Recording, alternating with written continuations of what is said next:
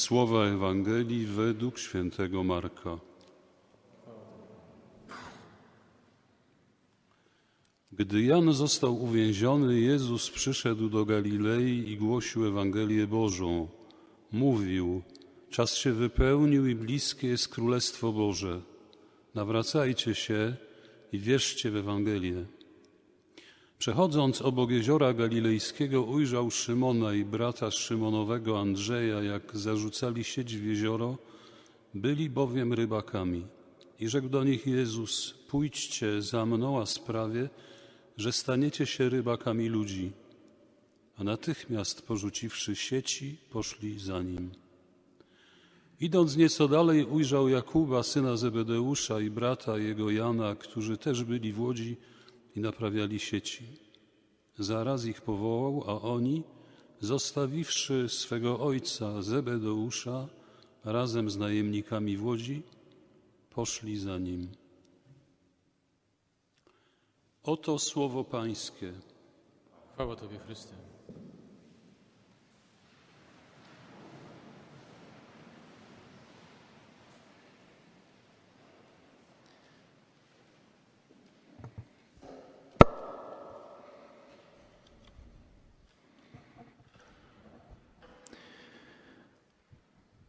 Kiedy spoglądamy tak na pierwsze czytanie z księgi proroka Jonasza, to nas jakoś chyba dotyka ta niesamowita forma głoszenia Słowa Bożego, jaką czyni Jonasz, także wszyscy się nawracają w tym potężnym mieście Niniwie.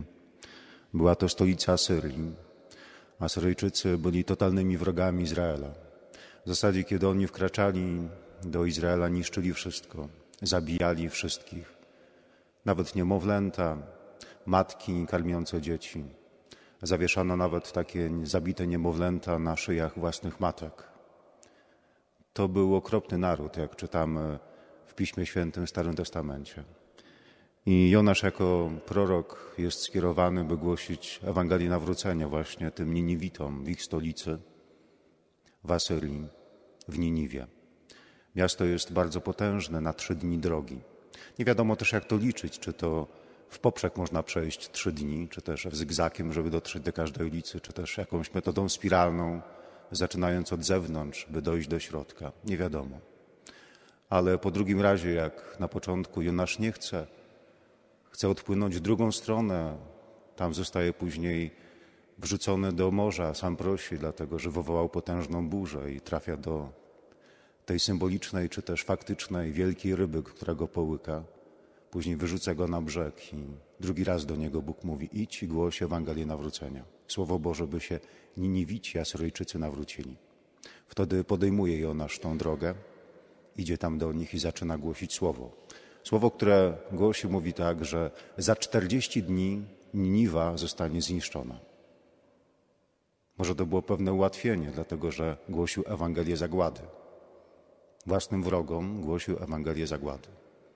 I ta Ewangelia Zagłady była czymś tak przekonującym wśród tych Niniwitów, że oni nawrócili się, uwierzyli Bogu. Dzisiaj słyszymy, że było trzy dni drogi, a Jonasz tylko jeden dzień potraktował na głoszenie Ewangelii. Zrobił tylko jedną trzecią tego, co miał zrobić. Ale łaska Słowa Bożego w jego ustach musiała być niesamowicie przekonująca. A może to uwięzienie wcześniejsze Dzisiaj również spotykamy się z pewnym więzieniem na początku Ewangelii Świętego Marka, kiedy słyszymy, że święty Jan Chrzciciel został uwięziony. Jakby Herod chciał zablokować usta świętego Jana Chrzciciela, który głosił Ewangelię. Nie chciał już go dłużej słuchać, postanowił go uwięzić, z dala od, od tego, by głosił. Nie można uwięzić Ewangelii. Nie można w żaden sposób zamknąć w okowach w więzieniu Słowa Bożego. Cała historia Izraela, jak również Izrael, nie tylko Izraela, lecz również tych ludzi, którzy poświęcili się Panu Bogu, świadczy dobitnie, że Słowa Bożego nie można zamknąć. Patrzymy na Józefa Egipskiego w Starym Testamencie, który z perspektywy więzienia zaczyna głosić Słowo Boga. Patrzymy na Izraela w Starym Testamencie w Egipcie, w niewoli egipskiej gdzie Słowo Boże wyprowadza Izraela właśnie stamtąd. Patrzymy na proroka Jeremiasza i innych proroków uwięzionych głoszą Słowo Boże. Patrzymy na całego Izraela w Babilonii, w niewoli babilońskiej.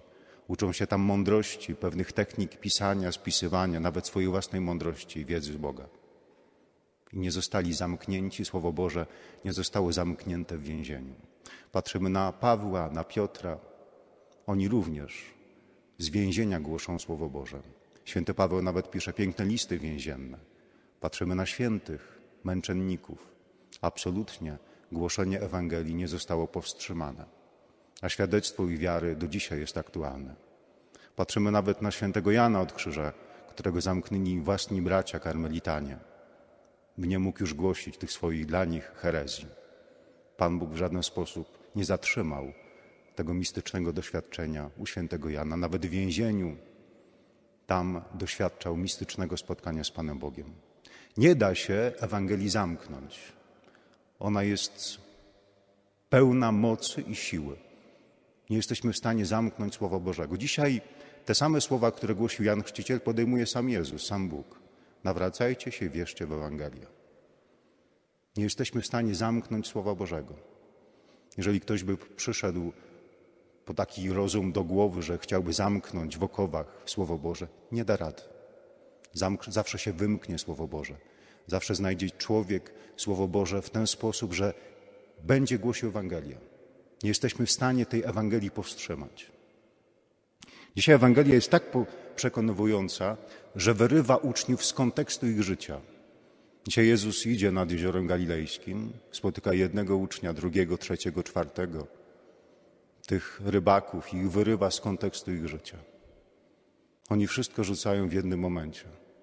Pewnie mieli to pragnienie, tak jak my znamy, że już mamy dosyć takiego własnego życia, że czekamy na coś, żeby się coś zmieniło, żeby absolutnie nasze życie uległo zmianie, bo już nie możemy wytrzymać z taką stagnacją, z marazmem, nie podoba nam się nasze życie. I może to pragnienie z ich strony spotkało się z pragnieniem Boga, który ich powołuje. Powołuje ich na mocy Ewangelii, na mocy Słowa Bożego. Tam padają takie bardzo mocne słowa: nawracajcie się. U nas to nie brzmi dobrze, ale gdybyśmy się wczytali w język oryginalny Ewangelii, tam jest takie słowo metanoite, to znaczy zmieńcie myślenie. Zmieńcie myślenie. I uwierzcie Ewangelii. I to jest może to słowo, które powinno dzisiaj docierać do nas. Mamy zmienić myślenie. Jeżeli Jezus mówi, że mamy zmienić myślenie, to znaczy, że dostrzega pewne negatywne rzeczy w naszym życiu. Coś, co nam utrudnia wyjście ku życiu. Coś, to, co nam utrudnia dostrzeżenie tego światła, które jest w Panu Bogu. Mamy zmienić myślenie. Ostatnio napotkałem taki fragment chyba w liście świętego Pawła do Kolosan, że możemy być wrogami Boga przez sposób myślenia. Że czasami jesteśmy wrogami Boga przez to, jak myślimy. Nie chcemy uwierzyć Ewangelii, nie chcemy w żaden sposób wyrywać się z pewnych kontekstów, które nas trzymają w okowach ciemności, błędu, zniechęcenia, marazmu. Nie chcemy zmienić myślenia, nie ma w nas metanoi, nie ma w nas tego prawdziwego nawrócenia. Jezus jest tak przekonujący dzisiaj dla tych uczniów, że oni rzucają wszystko i pracę, i własną rodzinę, i własne utrzymanie, i własny dom i idą za Jezusem. Oczywiście nasza zmiana myślenia również jest podyktowana zmianą Ducha Świętego. Pan Bóg nieustannie dobija się o pewną rzecz, którą musimy zmienić. Każdy w mocy Ducha Świętego rozpoznaje tą swoją sprawę, która podlega zmianie. Jak usłyszę tą Ewangelię dzisiejszą? Przecież jeżeli ją czytamy, to nie jest chronologia wydarzeń, które się gdzieś tam wydarzyły dwa tysiące lat temu, lecz ta dzisiejsza Ewangelia jest dla nas, tu i teraz. Mamy zmienić myślenie i uwierzyć Ewangelii. Jezus dostrzega pewną rzecz negatywną w naszym życiu, w naszej postawie, w naszych różnych relacjach i mamy je zmienić. Uwierzyć Ewangelii. Jezus mówi gdzie indziej w ten sposób, że każdy, kto porzuci swoje życie ze względu na mnie i na Ewangelię, życie zyska. Odnowi je, zmienione, pełne łaski i świętości samego Pana. I to są różne porządki, jakie spotykamy w Ewangelii. Na przykład dzisiaj słyszałem też w pierwszym czytaniu w na godzinie czytań na naszej liturgii brawiarzowej rano, jak Mojżesz mówi ludowi, że ten, kto głosi słowa Boga, a to słowo nie czyni żadnego skutku słuchających, nie jest posłany przez Boga. Więc to słowo może i mnie ścigać. Jeżeli ja głoszę słowo Boga, a wy się nie zmieniacie, nie ma żadnego skutku, to mogę nie być posłany przez Boga. Są to słowa bardzo oskarżające tego, kto głosi Ewangelię. Jakim jest świadkiem Słowa Bożego? Czy doprowadza do konkretnej zmiany, do konkretnej metanoi, do konkretnego nawrócenia?